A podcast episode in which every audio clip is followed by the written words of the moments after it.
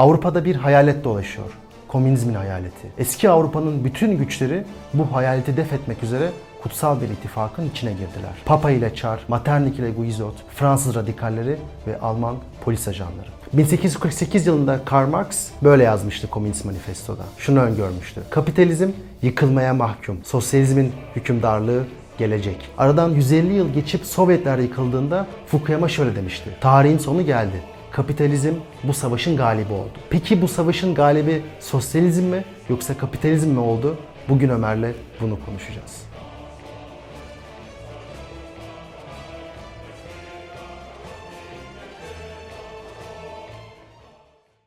Evet Yaşar sen solcu birisin. Solcu bir adam değilim. Kaybetmeyi seviyorsun. Kaybedenlerin yanındasın, izleyenlerin yanındasın. Futbolda her zaman kaybeden takımı desteklerdim küçükken. Bu yüzden solcu mu oldun? Ya, Ama bak bence güzel bir yere parmak Solcu bastın. musun? Solcu değilim. Ha, solcu değilim. Ama insanlar bir solcu hakaret mi sayarsın? Yo saymam. Hani saymam. Solcu desen de hakaret saymazdım. Ama bence kendini özdeşleştiren bir kimlik var mı? Bir ideoloji. Keçi öğrendilik. Başka bir şey istemiyorum. Kendimi bir ideolojiyle atfedemiyorum. Valla Aynen. Seni tebrik ederim. ben böyle olduğunu bilmiyordum. Helal olsun. Ya, yani şöyle, liberalizm özgürlüğü ön plana çıkarıyor. Sosyalizm de çok basitçe eşitliği. Ama hayatın her durumunda hep eşitlik ve özgürlük diyemezsin. Bazen eşitlik, bazen özgürlük dersin. Yani hayat bu kadar katı değil, bu kadar siyah beyaz değil demek istiyorsun. Bir de şu var. Yani bir şey elde etmek için, özgürlüğü elde etmek için neyden fedakarlık yapmaya hazırsın? Güvenlik mi, eşitlik mi? Dolayısıyla ben özgürlüğü seviyorum. Abi herkes seviyor. Sen de seviyorsun, Evet, ben doğru, de seviyorum. doğru. Eşitliği herkes ister. Hani fedakarlık Bunu, yapmak için bunu çok güzel başlattın, çok güzel anlattın. Aynısını Hayek söylüyor biliyor musun? Kölelik yolunun girişinde. E, aynen. Hatırlıyorsun. Evet. Diyor ki bu solcular bize şey diye kızıyorlar. Eşitlik istemiyor musunuz? İnsanların refah durumu iyi olsun, herkes birbirine yakın olsun falan. Hayek der ki bunlar güzel dilekler. Kimse buna karşı çıkmıyor. Önemli olan bunu nasıl yapacağınız ve yaptığınız zaman hangi sonuçlara yol açacağı. Bu tartışmanın özü de aslında bu. Eşitlik ama ne pahasına? Yani eşitlik çok önemli evet ama ona ulaşabilmek için bir, bütün özgürlüklerimizden feragat mı edeceğiz? İki, özgürlüklerden feragat etmek de yetmedi. Aynı zamanda aslında ekonomik olarak daha düşük bir refaha da mı tamah edeceğiz? Katılıyorum. Bir de mesela Marx'ı biraz daha felsefi açıdan inceleyenler yani siyasi ve ekonomik değil de şunu fark ediyor. Marx da eşitliği bir amaç olarak kurgulamıyor aslında. Evet. Marx özgürlüğü bir amaç olarak kurguluyor. Sen normal insan olarak çalışıyorsun, kendine vakit ayıramıyorsun, kendini gerçekleştiremiyorsun. Eşit olmalısın ki sonra kendini gerçekleştirebilesin. Marx sanki şey gibi geliyor bana. Yani o günkü topluma bakıyor ve o günkü toplumun sürdürülemez olduğunu. Ha bak çok güzel bir yere parmak bastın. Tarihselleştirelim. Ya Marx yaşadığında 1850'ler kapitalizm daha yeni yeni oluşuyor ve hiçbir kural yok. Aynen. 16-17 Kuralsız saat çalışıyor insanlar. Çocuk işçiler çok normal yani çocuk işçi olması. Ya orada o kuralsızlık bence önemli bir Evet. faktör. Yani kapitalizmi savunan da veya liberalizmi savunan da amasız fakatsız savunmamak lazım. Evet. Yani o kapitalizmin ilk çıkış zamanı gerçekten devasa bir ku- kuralsızlık ve devasa bir Sömürü. sömürü düzeni. Yani sömürü düzeni dediğim şu aslında. Eğer siz devlet olarak hiçbir şey regüle etmezseniz o zaman o güç asimetrisinde sermaye sahipleri işçinin canını okuyabiliyor. Dolayısıyla orada bir denge gerekiyor. Yani işverenle işçi arasında antagonistik bir ilişki var. Onun çıkarı diğerinin çıkarının e, Tabii, tersine. açık, evet. Evet. O anlamda bence tarihselleştirmek çok önemli. Mesela Weber bize yakın geliyor. Yani devleti görmüş, bürokrasiyi görmüş. O daha farklı bir dünya sunuyor. Ama Marx dediğin gibi 1850'lerde yaşamış. Yani finans yok, devlet kurumu daha tam oturmamış. Tabii. Çok vahşi bir kapitalizm. Kapitalizm yeni çıkmış. Yaşadığımız kapitalizm aslında uzun mücadelelerin sonucu. Evet. Yani işçilerin ayaklanması, işçilerin hak talep etmesi veya işte sistemi yönetenlerin ya kardeşim bu kadar da olmaz demesi. Sistem kendisini yeniden ayarlıyor. Yani bir takım challenge'lar oluyor. Ondan sonra sistem yeniden kendisini düzenliyor ve biz aslında bugün ehlileştirilmiş çok daha tıraşlanmış bir kapitalizmle. Hatta ben sonda söyleyeceğimi Beraberiz. başta söyleyeyim. Sen onu diyorsun buna çok takılmıştın ama ben zaten şu an ne bir kapitalizm ne de bir sosyalizm içinde yaşadığımızı düşünüyorum. Karma karışık. İkisinin de aslında aynı anda var olduğu bir sistem içerisinde yaşıyoruz. Yani saf sistemler Yok. yok aslında. Kuzey Olamıyor. Kore'de bile yok. Kuzey Kore'de bile olamıyor. Evet. Aynen. Özel sektörün payı %10'lara çıkmış. Daha da arttırmayı planlıyorlar. Yani orada Aynen. bile aslında devlet hava tabii çok güçlü hala Devlet çok %80'lerde güçlü, ama evet. Küba'da bile özel sektörün payı artıyor. Nitekim İskandinav ülkelerinde bile aslında biz kapitalizm görüyoruz ama çok böyle sosyalizme de yakın. Yeri dağıtan mekanizmaların çok güçlü olduğu bir Evet. kapitalizm görüyoruz. sosyalizmin en büyük faydası bu olmuş olabilir. Aynen. Kapitalizmi düzeltti. Düzeltti. Yani kendi kendisine bıraksan hiçbir şey olmayacaktı. Şimdi biz sosyalizmi, kapitalizmi tartışıyoruz. Sana solcusun diye açtım hiç onlara cevap vermedin. Sen sosyalizme inanıyor musun? Açık konuş. sosyalizme- Açık konuş. Her şeyi Tamam. açık konuşmayı Yok, seviyorsun. yok. Sosyalizm sence mantıklı bir ekonomik model sunuyor mu? Şöyle, şimdi sosyalizm ne onu bir konuşalım. Ha aynen. Sosyalizmin iki tane temel varsayımı var. Birincisi Özel mülkiyet, mülkiyet yok. olacak.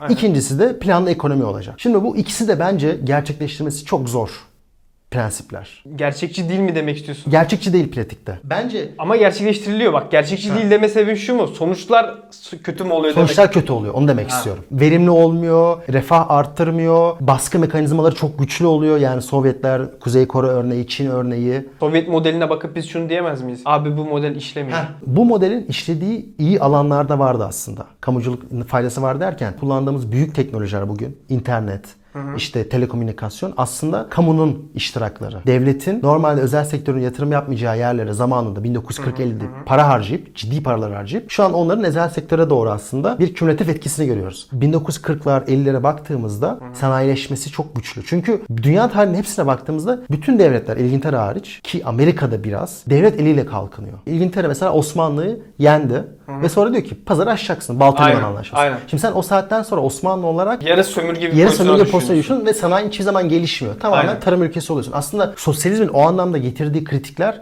güçlü kritikler. Yani hem emperyalizmin hem de güç ilişkileri nasıl işlediğine dair eleştiriler, güçlü eleştiriler. Planlı ekonomi mantıksız değil. Ama mesela faydalı olmadığı bir alan var. Biz Sovyetlerde bunu yaşadık. Sovyetlerde herkesin bir evi vardı. Evsizlik oranı düşüktü mesela. Evet. Ya fena evlerde oturmuyorlar. Evler dandik ama mesela bak her şey çok dandik oluyor. Yani insanı sen her zaman vasata mahkum bırakıyorsun. O da var. Araba da dandik. Bir servis var. Kimse evsiz arabasız kalmıyor. Ama senin hoşuna gitmiyor mesela. Estetik olarak sen beğenmiyorsun. Olmuyor. Yani Lada mesela muhtemelen sağlam bir arabaydı ama keyifli bir araba değil. Evler de çok kötü oğlum. Sen gittin mi şeye?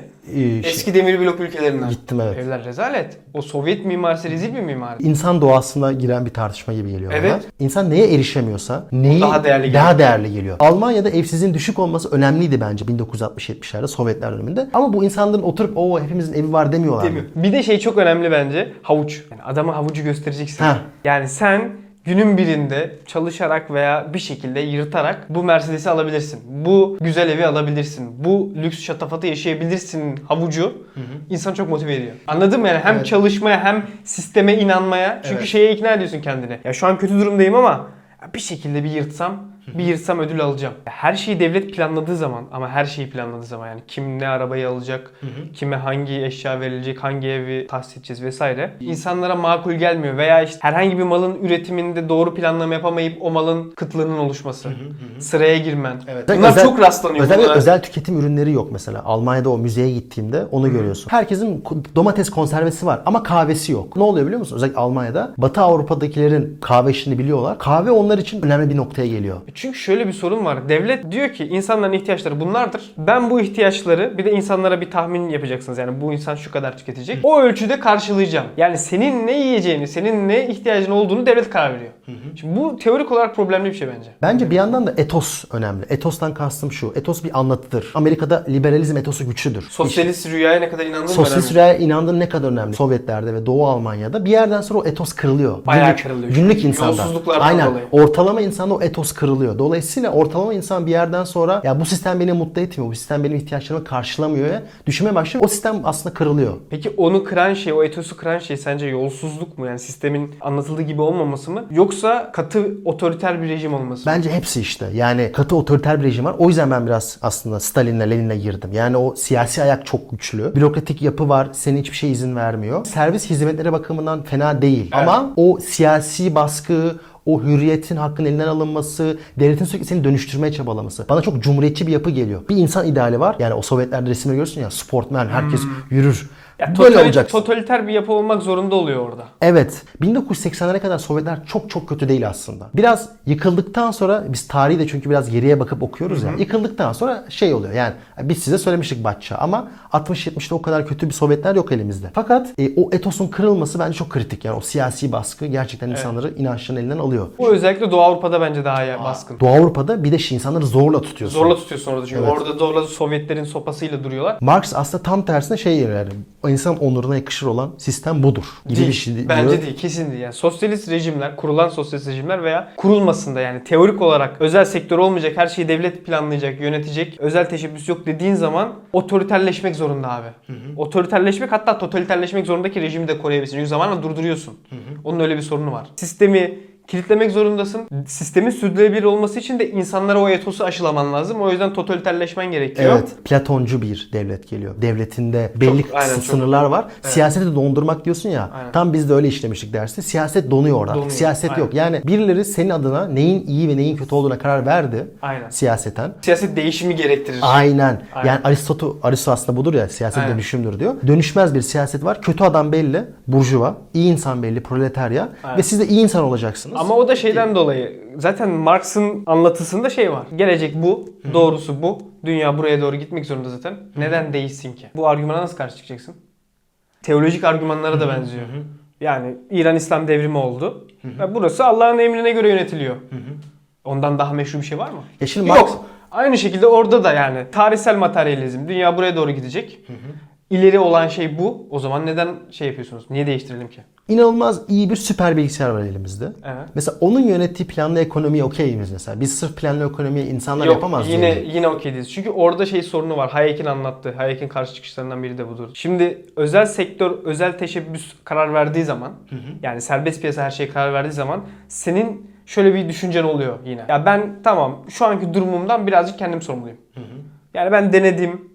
Kendimce işte bir takım girişimlerde bulundum. Ne bileyim şurada şu ticareti yaptım, burada bu okulu okudum ve sonuçları da bu oldu. Yani sorumluluk bana aitti ve dolayısıyla hani kimse beni bu kadar bu yaşadığım hayattan çok sorumlu değil. Esasen ben sorumluyum. Denedim olmadı diyebiliyorsun diyor. Ama sosyalist ekonomide, planlı ekonomide şöyle bir problem var. Yani o o bilgisayar da planlası şu olacak. Yaşar senin okuman gereken şey şu.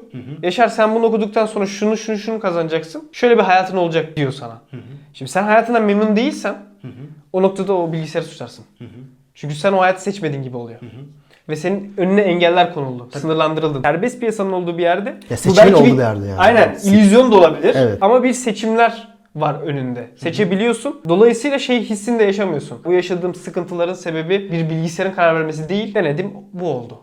Bu önemli bir fark. Günün sonunda Sovyetler ekonomisi yıkıldı. Kapitalizmin zafer kazandığı bir dünyaya girdik. Ama burada da başka problemler yaşadık. Rusya özelinde bak. Rusya daha mı iyi oldu? Rusya ama şimdi başka krizlere girdi yani. O 90'larda böyle E bir tamam canım, sen şimdi- krizi, politik kriz, E tamam Yeltsin. 70'te girdiği krizden dolayı sosyalizmi suçluyorsun. 90'da girdiği için kapitalizmi niye suçlamıyorsun? İşte kapitalizmi suçluyorum. Yani E tamam Rusya'ya bak. Rusya daha iyi bir yer mi oldu? Kapitalist Rusya sosyalist Rusya'dan daha mı iyi? erkeklerin yaş ortalamasına bakın düşüyor pat diye. Zamanında mesela Ukrayna'ya gitmiştim. Orada soruyordum insanlara, yaşlılara. Nasıldı? Hani o mu iyi, bu mu iyi? Adamlara aslında bir havuç anlatıldı. Hani bu sistem kötü, yenisine geçeceğiz, zenginleşeceğiz falan. Günün sonunda elde ettikleri şey şuydu. Daha güvencesiz bir topluma evrildiler. Eşitsizlik inanılmaz arttı. Sovyetlerde güçlü bir devlet var. Amerika'ya kafa tutuyor. Sovyetlerde halk 3 aşağı 5 yukarı temel ihtiyaçlarına ulaşabiliyor. Ev, araba vesaire gibi. E, Sovyetler dağılıyor. İnanılmaz bir eşitsizlik. Rusya devleti gayri ciddi bir devlet haline geliyor 90'larda.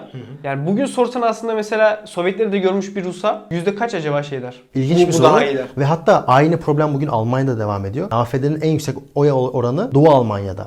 Çünkü orada ciddi bir eşitsizlik var. Kapitalizmi hani eleştiriyorum ama bu ne kadar kapitalizmin içsel bir problemi? Şu da olabilir çünkü o dönüşüm esnasında bir sürü politik ve ekonomik kriz yaşanıyor. Dolayısıyla aslında dönüşümün yarattığı bir kriz de olabilir. Tabii ya kuralsız kapitalizmin mağdur oldu Rusya zaten. Hatta O. bence kuralsız kapitalizmin ve orası yıkılınca diğer ülkeler ona çöktü biraz. Ama yani. gerçek bir sömürü oldu orada. Yani orada sistem dağıldıktan sonra Rusya'da zengin maden kaynakları var. Zaten emtia üreticisi pozisyonda. Yani fabrikalar inanılmaz değer üretiyorlar. O fabrikalar özelleştiği anda bir takım oligarklar ortaya çıkmaya Evet, başladı. evet. Birileri Rusya'ya ait olan kaynaklara çökmüş oldu bir anda. Evet ve 15-20 tane insan çıktı Aynen. ve bütün Rus Sovyetler zenginliğini ele geçirdiler. Aynen. Bütün zenginlik ve o, o kadar sen de o fabrikaya çöksen sen de o kadar zengin olacaksın. Çünkü hiçbir şey yapmana gerek yok. Çok basit. Ürünü çıkartıyorsun, işliyorsun, satıyorsun. Tamamen yani kriz fırsatı. Ama işte bence kapitalizmin yani buradan eleştirmek adil olmaz. Bence de adil olmaz çünkü kuralsız Aynen. ve yanlış bir mo- O yüzden- görüntü bu.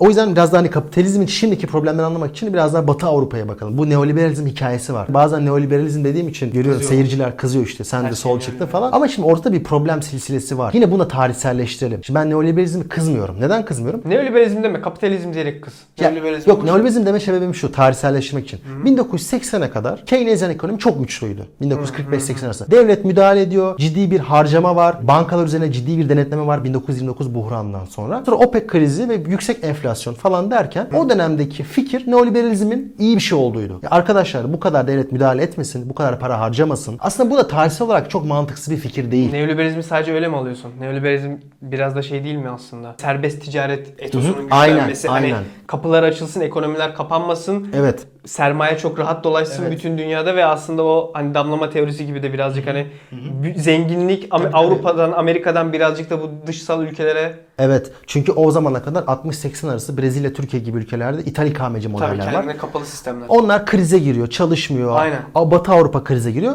ve o zaman şu fikir Aynen. aynen neoliberal değil. O yüzden tarihselleştirelim diyorum. Hani bu tamamen çöpe de atalım demiyorum. Bir mantığı var. Evet. Onların neden gün yüzüne geldiği. Çünkü şu soru işareti bak var her zaman teorik olarak. Ya bir ülkede belli bir sermaye birikimi var. Input belli, girdi belli, sermaye seviyesi belli. Şimdi o ülkenin bir seviye atlayabilmesi için bir şeyin girmesi lazım dışarıdan. Ya. Bir, bir, bir şey olması lazım. Sana biz dışarıdan sermayeyi getireceğiz, dışarıdan yatırımı getireceğiz. Senin kaynaklarını kullanacağız ve sen o sayede o dışarıdan gelen girdiyle ekonomiyi büyütebileceksin. Çünkü şey gibi düşün. Vietnam'ı düşün mesela kendi halinde. Dışarıdan hiç sermaye yok, yatırım yok. Vietnam nasıl kalkacak abi? Haklısın ki zaten böyle kalkındı Vietnam'da. Çin'de böyle kalkındı. Sen şimdi 94 krizini anlattın. Şimdi Erin Çaldan orada ne diyordu? Varsayılan buydu. Neoliberal ekonominin varsayılanı dışarıdan yatırım gelecek. FDI Yatırım gelecek. Aynen. Foreign Direct Investment Aynen, doğru gelecek. Ve sonra Hindistan'da iş olacak, Türkiye'de iş olacak. Yavaş yavaş kalkınmayan Aynen. yerlerde kalkınacak. Sermaye sürekli çünkü oralara kayacak. Nitekim biraz oldu da. Oldu Ama- da, evet. Ama sıcak para öyle bir aslında seni elini kolunu bağlıyor ki Türkiye sıcak para geliyor. Yani o Londralı bankerler geliyor ve bir anda senin mesela döviz kurun işte senin sermaye yapanı böyle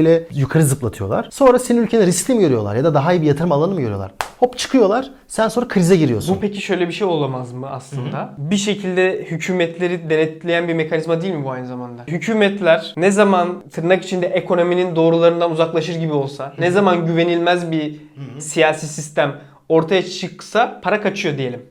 Bu aslında güzel bir denetleme mekanizması değil mi siyaset üzerinde? Peki Çin'i düşün. Yani dediğini anlıyorum ama Çin'de mesela Çin'de böyle olmuyor. Çin kendine özel durum var. Çin'i boş ver. Türkiye gibi ülkeleri düşün. Türkiye gibi ülkelerde sıcak para giriyor diye düşün. Ve sonra baktı ki sistem artık stabil değil. Ekonomik olarak sürdürülemez bir yere doğru gidiyor veya siyasi kriz çıkma ihtimali yükseldi. Para kaçıyor. Seni sürekli şey yapmaya itmiyor mu? ekonomi kurallarının devam etmene. Ekonomik kurallara da devam etmek, siyasi olarak stabil kalmaya devam etmek. Ama şöyle bu kurallar kimler tarafından belirleniyor? Benim okuduğum bir makale var. Onda referansını veririz. Neoliberal ekonominin hayata geçmesinden sonra şehirlerdeki belediye yönetimlerine bakıyorlar. Büyük şehirler, özellikle İstanbul, Ankara, İzmir niye önemli, niye önemli diye kendime soruyorum. En önemli yapılarından biri IMF gibi Avrupa Fransız Kalkınma Ban- Bankası gibi Kredi yapılarla kredi çekebiliyorlar. Aynen. Sanki bir yani hükümet onayıyla alıyorlar da Evet. özel bir yapıları var. Bu neoliberal ekonomi geçtikten sonra bu belediyelerin bütçesi çok daralıyor. Metro yapamadığını düşün İstanbul'da. Oyunun kuralı şu an metro yapmamak. Diyelim ki Evet. oyunun kuralı bu. Ama metro yapmak toplumun için iyi bir şey. Yapamıyorsun. Elinden o imkanı alıyor. Çünkü Londralı bankerlere göre bu ekonomi kitabının dışına çıkmak. Dolayısıyla senin anlattığın kuralları kim Abi belirliyor? o Onu demek Londralı istiyorum. bankerlerin ekonomi kuralının dışına çıkıp da düzgün bir iş yapan ben görmedim. O kuralın dışına çıkan adam genelde yanlış işler yapıyor. Sistemin riskli bulduğu ama aslında riskli olmayan daha iyiye giden ne kadar örnek var? Sistemin riskli bulduğu örneklerin %90'ı sonrasında ya batıyor ya yolsuzluk oluyor ya da ekonomik refah düşüyor bir şekilde yani. Gerçekten de sıkıntılı oluyor oralar. Recep Tayyip Erdoğan'ı yedirmeyeceğiz. Sistem, sistem dediğimiz de burada IMF, World Bank veya kredi derecelendirme kuruluşları. Notunu düşürmüş, riskli bulmuş ama aslında riskli değilmiş ve o ülke çok daha iyiye gitmiş ekonomik olarak.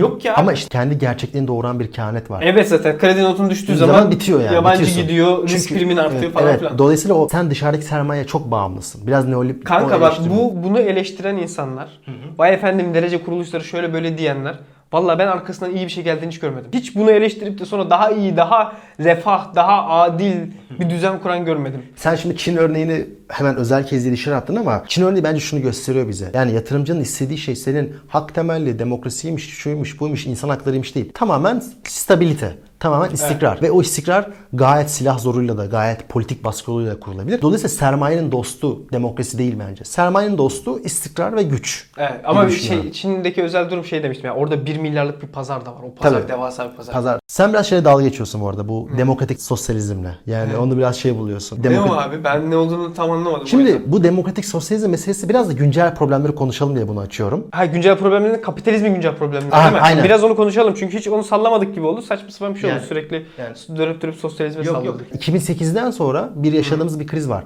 Aslında 94'te Türkiye krize giriyor. Sen anlattın. Sonra bir Ru- Rusya'sı var, Brezilya'sı var, Meksika'sı var. O dönem çıkmış bazı ekonomistler şey diyor. Ya bakın diyor arkadaşlar bu sistem böyle gitmiyor. Ama o dönem ne diyor biliyor musun batılı ekonomistler? Siz bilmiyorsunuz yönetmeyi. Pat bu kriz 2008'de Amerika'yı ve Avrupa'yı vurunca ha bu sistem çalışmıyormuş. 2008 Amerika krizi de ama tamamen kuralsız kapitalizm. Ama işte buradaki gelen eleştiri şu. Neoliberalizm regülasyonu azaltalım diyor. Ama onun getirdiği şey zaten kuralsızlık. Biz nasıl sosyalizmde insan faktörü önemli diyorsak burada da bir insan faktörü var. Evet Amerika'da öyle bir propaganda yapılıyor sürekli yani. Devlet müdahale etmesin propagandası günün sonunda kontrolsüz balonların Evet orada çünkü yani bakmışsındır. E, Lehman Brothers'a bakıyorsun. Orada o subprime mortgage'ların nasıl dağıtıldığı. Rezalet bir dolandırıcılık var orada. Orada bir de şöyle bir şey de oluyor. Sistemde bir moral hazard dedikleri şey var ya ahlaksızlık. Şöyle bir ahlaksızlık var. Sen biliyorsun ki bu çok büyüğüm ben. Too big to fail Ha, aynen. hikayesi var ya. O kadar büyüğüm ki ben ben batamam. Benim batmama sistem izin vermez. Yani dolayısıyla o Lehman Brothers'ı batıranlar da 2008 krizinde doğrudan payı olanlara bir şey olmadı. Yani bu insanlar devlet zaten kriz çıktığı anda büyük firmaları korumaya çalıştı ve Amerika işte o yardım paketleri vesaire devreye sokularak firmalar kurtarıldı. Batmaktan kurtarıldı. Krizde payı olan yöneticiler de ceza almadı doğru düzgün. Sonuçta öyle bir sistem oldu ki Amerika'da. Sen çok büyüksen istediğin dolandırıcılığı yap. Zaten kriz çıktığı zaman devlet seni kurtarmak zorunda kalacak. Evet. E sen de CEO olarak bir şekilde yırtabiliyorsun. Sistem öyle bir şekilde dizayn edilmiş. Yani hiçbir sorumluluğun yok gibi bir şey. Ve hatırlarsan hemen akabinde Occupy Wall Street olayları oldu. Aynen. Çünkü insanlar şunu düşündü. Bir kriz anında kurtarılan ben değilim. Aynen. Yüzde, yüzde bir kurtarılıyor. Yüzde bir kurtarılıyor. Ki o söylem sonra çok popüler oldu. Biz yüzde 99'uz, siz yüzde birsiniz. Şu anki kapitalizmin 3 problemi var gibi geliyor bana. yani, say. bu, yani birincisi finansal. Finansallaşma inanılmaz artmış durumda ve reel üretim yok. Reel üretim Aynen. olmayınca aslında Balon ba- balon sürekli. Yaratılıyor ve o balonun gün sonunda zenginler daha da zenginleşiyor. Bu da bizi ikinci probleme getiriyor. Eşitsizlik. Ha finansal kapitalizm eşitsizliğe sebep oluyor oradan dolayı kızıyorsun. Evet yani finansal kapitalizm hem bir balon yarattığı için yani reel büyümeleri içine alıyor. Ya finansal kapitalizm şu yüzden eşitsizliği arttırıyor. Sizin 1 milyon dolarınız varsa 1 milyon doları finansal piyasalarda 1,5 milyon dolar yapma ihtimaliniz yüksek. Evet. Ve hiçbir şey yapmadınız aslında. Sadece paranızı aldınız bir yere koydunuz paradan para kazandınız. Ama ortalama bir çalışan için o adamın 10 bin dolarını 15 bin dolar yapması kolay değil o kadar. Dolayısıyla büyük para, para parayı çekiyor. Mesela Glass-Steagall diye bir akt var. 94'te bu kaldırılıyor. Orada yatırım bankaları da artık finansal piyasaların içine girmeye başlıyor. Şimdi bu ne demek? Aslında biz burada devasa fonlardan bahsediyoruz. Yani emeklilik fonları, işte gayrimenkul fonları. Aslında burada bahsettiğimiz paralar 100 milyon dolarlar. Bunlar Tabii. borsaya giriliyor, çıkılıyor ve hani öyle bir anda katlanan paralar var. Yatırımlar da yani normalde verimliliğe harcayacağın, teknoloji harcayan paralar buraya akmaya başlıyor ve Aynen. burada bir eşitsizlik Faizden para kazanma, faizle ekonominin büyümesi arasındaki makas ne kadar açıksa o kadar çok eşitsizlik olur. Thomas Piketty. Buradan üçüncü yere geleceğim. O da bence üçüncü kriz iklim krizi. Kapitalizmde externalities diye bir şey var. Dışsallaştırma diye. Bunu anlatma sebebim şu. Bir yatırımın ya da bir ürünün maliyetini hesaplarken biz şunu düşünüyoruz. İşte girdisi, işçi, teknoloji vesaire. Kapitalizmin şu an içinde olduğumuz kapitalizmi biz regüle etmediğimiz için biz geleceği bir maliyet hesabı olarak- düşünmüyoruz. Çevreyi de bir Çevreyi maliyet de hesabı, maliyet maliyet hesabı hesabı olarak düşünmüyoruz. Şimdi sen bir fabrika sahibisin. Kar etmek için çevreyi kirletiyorsun vesaire Tabii. vesaire. İşte en ucuz yollu kimyasalı kullanıyorsun ve şunu düşünüyorsun. Maliyetler azaldı. Ama halbuki onun bir çevre maliyeti var. Şimdi neoliberalizm bunu regüle etmediği için yani çok ciddi bir çevre ve zaman maliyeti Ya ona var. bize. neoliberalizm deme ona kapitalist mantık.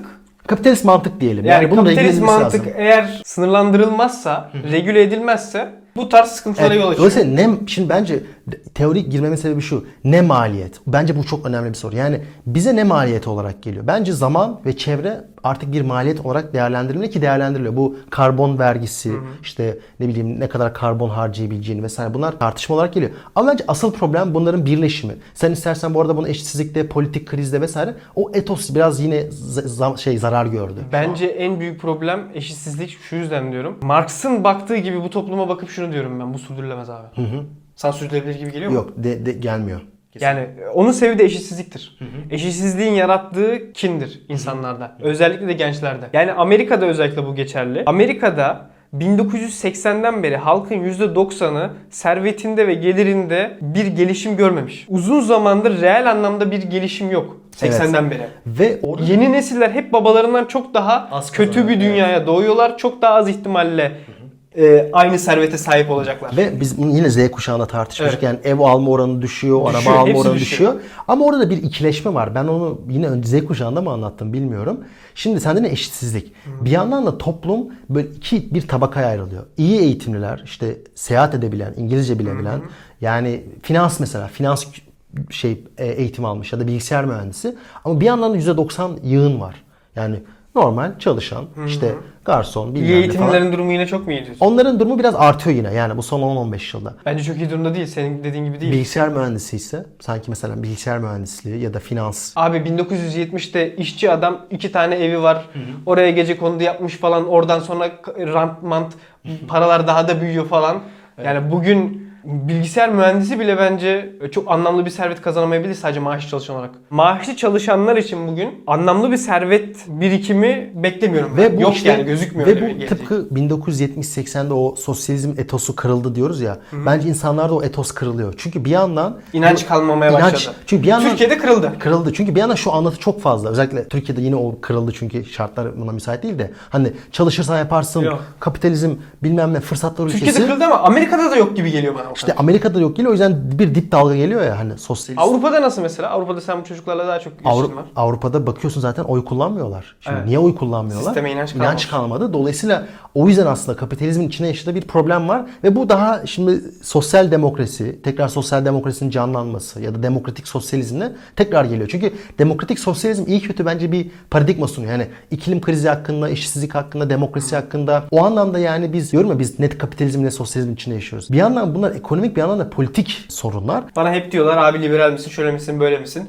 Yaşar'a da solcu musun vesaire diyorlar. Diyoruz ki biz abi ne sağcıyız ne solcuyuz. E, Orta yolcuyuz. Orta yolcuyuz. Yok bence içinde yaşadığımız çağın problemlerini anlayıp onun üzerine düşünmek önemli. Yani ne dedik? İklim krizi Bir dedik. de bu kadar katı dedik. olmayın diyoruz herkese. Evet. Bu kadar katı Evet. olmaya gerek yok. Ya bir de bazı problemlerin liberal olursun, bazılarında daha eşitlikçi olursun. aynen. Önemli olan çağın problemlerini anlayın arkadaşlar. Aynen. Ne yaşıyoruz? Eşitsizlik, iklim krizi, demokrasi krizi. Öngörüde bulunalım. Bu kapitalizm böyle sürmez diyorum. Sürer mi? Sürmez. Yani. Sürdürülebilir değil. Sürdürülebilir değil. Yaptığımız videoları Discord'da beraber tartışıyoruz arkadaşlar. Evet, Geçen hafta bekleriz. yani Z kuşağını konuştuk. Discord kanalımıza üye olun ve bu tartışmalara katılın. Ee, gerçekten çok keyifli oluyor. İkinci olarak bardak. Bardak Bardağımız yok. getirmedik. Yaşar bardağı getirmiyor. Aslında Unuttum. bizim bardağımız var hala satışta. Buraya bir bardak resmi koyacağım. Aynen. Sizi desteklemek, bizi desteklemek istiyorsanız alabilirsiniz. Ben fotoğraflarını çekip gönderebilirsiniz. Ve son olarak bu stüdyomuz yani Faruk'un stüdyosunda çekiyoruz. Kendisi bize ev açıyor. Bize çok güzel misafirperverlik yapıyor. Ama kendisi kısa bir süreliğine Fransa'yı terk edecek ve artık burada çekim yapamayacağız. Faruk'a çok teşekkür ediyoruz. Hatta Faruk'u ekran karşısına, ekranı yanımıza almak istiyoruz. Gel Faruk. Faruk'la biz beraber beraber e, üçümüz e, Faruk bize çay yaptı, kahve yaptı, tatlı şey yaptı. Çok teşekkürler Faruk. Artık burada olamayacağız. Seni çok özleyeceğiz. Valla Evet. sizleri ağırlamak çok keyifliydi. Umarım döndüğümde tekrardan Devam ederiz. inşallah. Umarım. Hadi. Ee, E, salla artık uzattık bakın. uzattın.